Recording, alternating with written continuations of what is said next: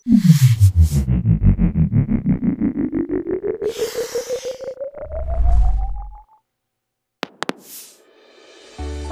warahmatullahi wabarakatuh.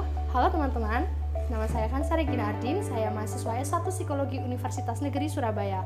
Kebetulan saya diterima melalui jalur SBMPTN. Nah, di sini saya akan sedikit mengulas tentang apa itu SBMPTN. Nah, apa sih SBMPTN itu? SBMPTN ialah seleksi masuk perguruan tinggi negeri atau PTN dengan menggunakan nilai UTBK tanpa ujian lain.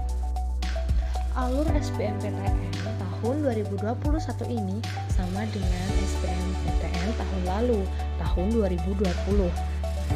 Ngomong-ngomong soal UTBK, apa sih UTBK itu? UTBK merupakan ujian tulis berbasis komputer yang terdiri dari dua subtes, yaitu TPS dan TKA. Keduanya dibagi lagi menjadi beberapa subtes. Untuk TPS ialah tes kognitif di antaranya yaitu penalaran umum, kuantitatif, pengetahuan dan pemahaman umum, dan pemahaman bacaan serta menulis. Untuk TKA, yaitu ujian pengetahuan dan keilmuan. Untuk TKA Saintek terdiri dari empat subtes, yaitu matematika saintek, kimia, biologi, dan fisika. Sedangkan untuk sosum dibagi menjadi lima subtes, geografi, ekonomi, sejarah, sosiologi, dan matematika sosum. Walaupun TKA Saintek 4 subtes dan Sosum 5 subtes, tetapi waktu untuk mengerjakannya tetap sama. TPS dan TKA ini keduanya sama-sama penting, jadi tidak berat sebelah. Kita bisa memilih untuk mengikuti UTBK Saintek saja, Sosum saja, atau bahkan campuran Sosum dan Saintek yang dilaksanakan langsung dengan waktu yang lebih panjang.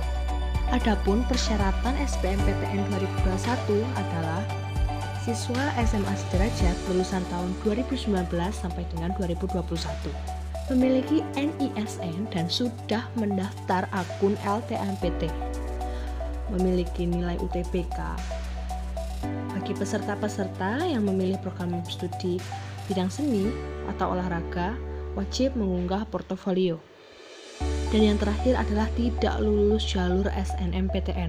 Artinya, siswa yang sudah lulus SNMPTN tidak dapat mengikuti SBMPTN. Tahapan pendaftaran SBMPTN ialah yang pertama, kita harus mengisi data diri.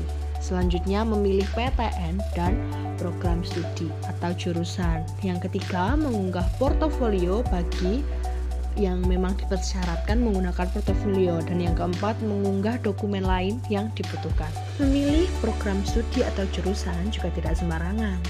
Syaratnya yang pertama program studi yang ada di PTN dibagi menjadi dua kelompok yaitu ada Saintek dan Sosum.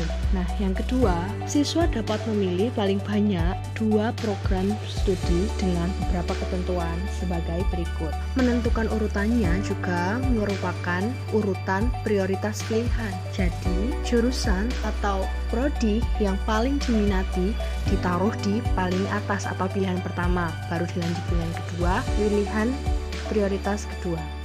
Dan untuk melihat data program studi, daya tampung per PTN, dan jumlah peminat program studi per PTN tahun-tahun sebelumnya dapat kalian lihat di website SBMPTN jika sudah dibuka ya. Berikut sedikit tips untuk memilih dan mengurutkan jurusan di SBMPTN. Ini bicara soal peluang ya.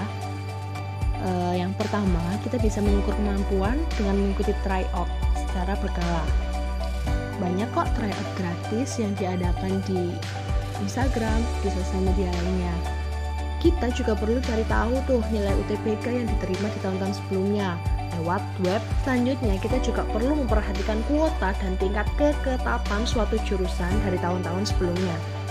Pokoknya, kalau kita sudah persiapkan dengan baik dari jauh-jauh hari, itu lebih baik. Tidak ada yang percuma dan tidak ada yang sia-sia. Itu tadi sedikit yang dapat saya sampaikan tentang SBMPTN. Kurang lebihnya saya mohon maaf dan bila ada yang ditanyakan, eh, kalian bisa DM ke akun IG Xcam Semaba. Sekian, wassalamualaikum warahmatullahi wabarakatuh.